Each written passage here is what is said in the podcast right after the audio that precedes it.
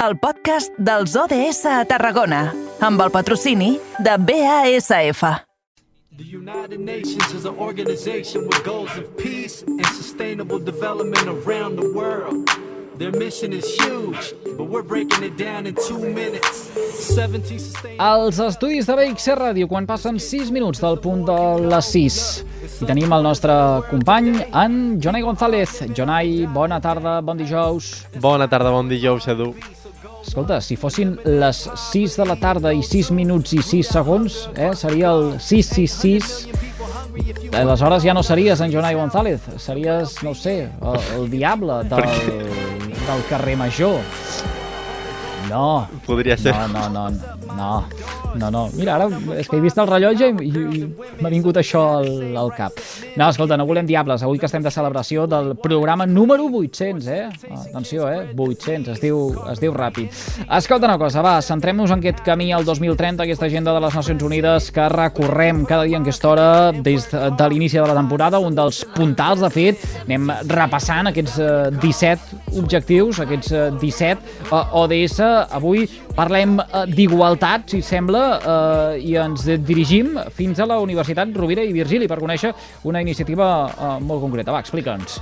Així és, avui tractarem un projecte de la URB que ja porta 13 anys fent-se i es tracta del calendari de la Unitat d'Igualtat. Per cert, un calendari que necessitem en aquesta línia cap a l'Agenda 2030 per apuntar totes aquestes coses.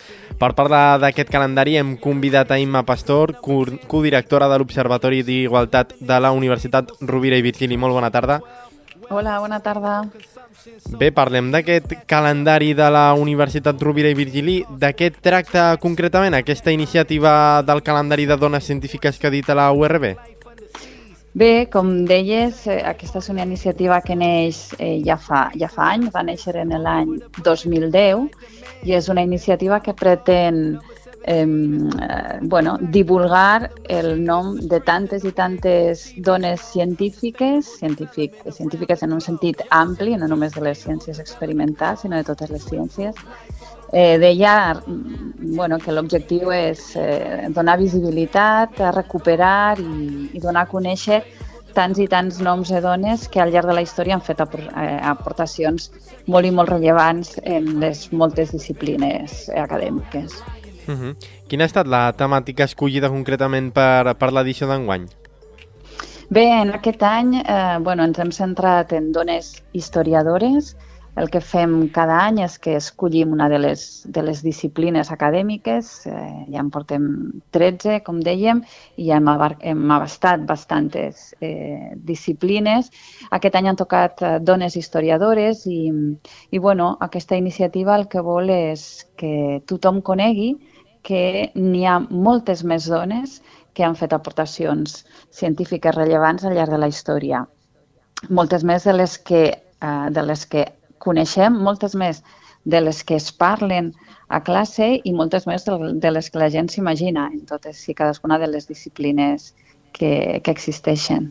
Uh -huh. Precisament t'anava a preguntar una mica com, com escolliu aquest, eh, aquest calendari o, o aquesta temàtica en qüestió. En Wines Historiadores, com bé has dit, va una mica en aquesta línia de pràcticament abarcar tots els estudis que té la Universitat Rovira i Virgili, suposo. Sí, sí, efectivament. Eh, de totes les disciplines, pues, bueno, cada any ens centrem en, en una de les que a la universitat doncs, són disciplines que tenen, que tenen tradició, que tenen ensenyaments, que tenen també expertes.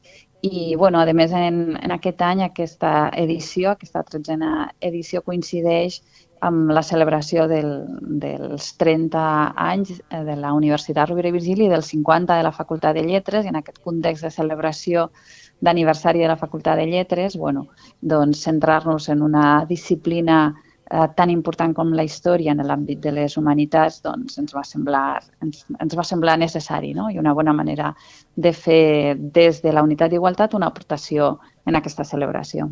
Uh -huh.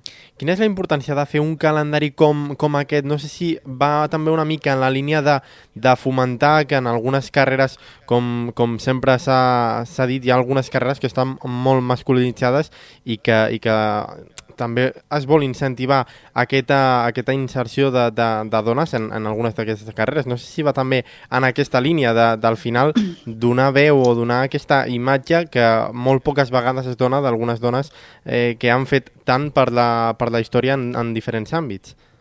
Bueno, en aquest cas, eh, la, les iniciatives a favor d'incorporar més dones eh, entre, entre l'alumnat, en alguns ensenyaments encara són minoria, bueno, són, són una línia diferent d'actuació, tot i que tenen aquests punts eh, de coincidència que tu has remarcat molt bé.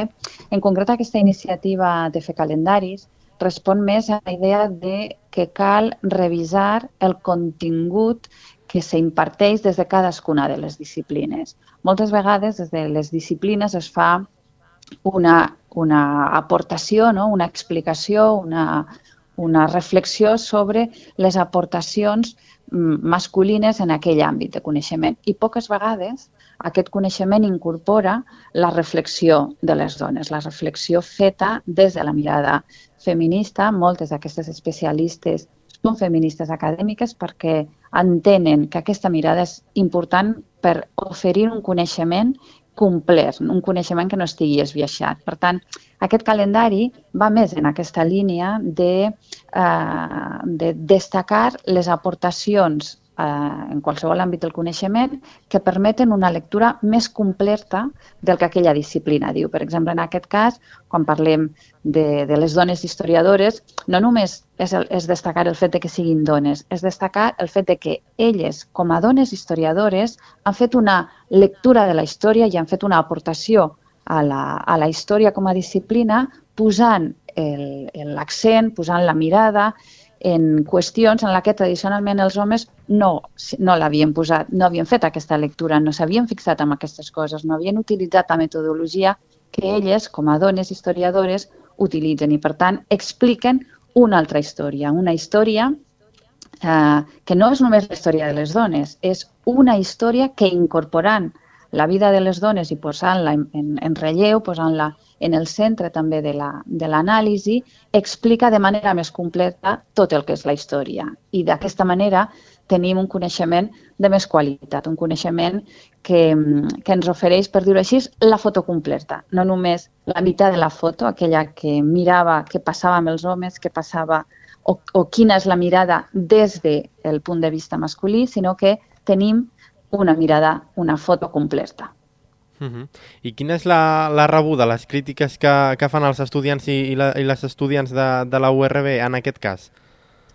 Bueno, eh, és un calendari que, com ja hem dit, que va per la 13a edició, és un calendari que hores d'ara està, està consolidat com a iniciativa i des de que vam començar amb, amb les dones eh, químiques i quan hem fet altres disciplines, medicina, eh, jurídiques, eh, lingüistes, eh, sociòlogues, quan hem fet tot, totes aquestes, doncs la veritat és que és una iniciativa que, està, que té una, una molt bona rebuda. No? En general, la comunitat universitària, quan arribem després de vacances de Nadal, està esperant aquest calendari i, i està esperant conèixer bueno, pues, aquesta selecció que des de la Unitat d'Igualtat oferim per contribuir en, aquesta, en aquest coneixement que ens aportarà una visió més completa, no? un, un coneixement del que diuen les dones especialistes i expertes en aquell àmbit de coneixement. bueno, la veritat és que el calendari acaba d'arribar, eh,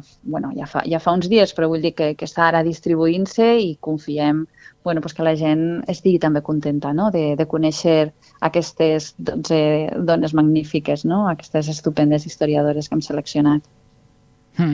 Senyora Pastor, no sé si al llarg d'aquests 13 anys de trajectòria d'un element com és el calendari han notat un canvi de tendència. És a dir, eh, hem guanyat en coneixement d'una banda d'aquestes eh, dones eh, estiguin vinculades al món científic o al món jurídic, en tot cas dos eh, mons encara molt massa masculinitzats. Eh, hem guanyat, per exemple, que es despertin aquestes eh, vocacions eh, científiques o jurídiques o, o, o de l'àmbit sociològic, eh, que apuntava ara tot, també tot just fa una estoneta en les noves generacions, gràcies a elements com són el calendari que editen? Bueno, uh, dues reflexions. Jo crec que uh, les dones estan clarament motivades i decidides a estudiar. Eh? eh segurament no, no, no, no cal aquesta iniciativa del calendari per animar les dones. Les dones tenen claríssim, sobretot les dones joves, que apostar per la universitat, per formar-se, és el millor camí per assegurar-se elles mateixes un rol no? com a ciutadanes i, i per poder exercir tots els seus drets eh, i també no? per assegurar-se eh, protecció no? o, o garanties en un món com és el mercat de treball en el que encara queden moltes desigualtats. Per tant, en aquest sentit, jo crec que és una tendència que ens supera, no? la, de, la, la, la decisió de les dones per, per formar-se, per estudiar i les dades ens mostren que són majoria a les aules excepte, excepte algun, alguns ensenyaments. Però jo sí que diria mm. que hi ha hagut un, un canvi, hi ha hagut una, una evolució. Jo crec que cada vegada hi ha, hi ha més interès perquè a dins de les classes, en el que és el contingut de les assignatures, que és aquí on nosaltres ens agrada incidir, eh, s'expliqui més la mirada de les dones. Es parli de les dones, però no només es parli de eh, algunes dones o mm, eh, del que han pogut destacar, sinó que s'expliqui com les dones han contribuït en la generació d'aquest coneixement i que les dones siguin també subjecte i objecte de l'estudi en cadascuna de les disciplines, perquè incorporar les dones ens ajuda a saber millor, a conèixer millor en tots els camps científics. En alguns àmbits s'expliquen coses i no, i no eh, es, es fa visible suficientment aportacions de les dones, no? o, que, o que darrere d'aquell descobriment o d'aquell invent o d'aquella aportació a una teoria o a qualsevol eh, coneixement eh, hi ha una dona. I per tant,